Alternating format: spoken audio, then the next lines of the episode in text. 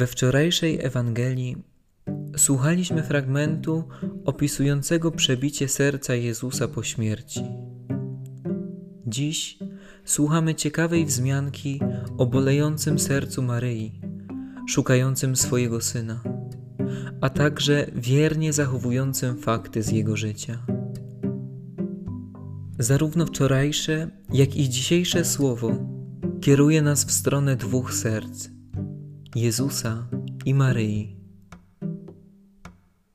Wsłuchiwanie się w słowa Ewangelii można porównać do badania EKG, w której słuchamy i badamy serce, chcąc się dowiedzieć, jaka jest amplituda jego bicia, jak można je opisać i czym wyróżnia się w stosunku do nas. Jakie jest więc serce Maryi? Jest sercem troskliwym, szukającym syna wytrwale przez trzy dni i nie dającym się zniechęcić porażką. Jest sercem, które cierpi. Zapewne wydarzenia z Jerozolimy odcisnęły się w nim mocnym piętnem i spowodowały wiele bólu matczynej miłości. Jest sercem pokornym. Ono nie czyniło wymówek Jezusowi, nie ukarało go za oddalenie, nie wypytywało o jakie sprawy Ojca chodzi. Jest sercem, które wiernie zachowywało Słowo Boże. Nie jest pełne namiętności, krótkotrwałych uczuć, lecz pełne najbardziej prawdziwych i wartościowych słów, które dają prawdziwe życie wieczne. Jest w końcu sercem, które żyje w ścisłej łączności z sercem Jezusa.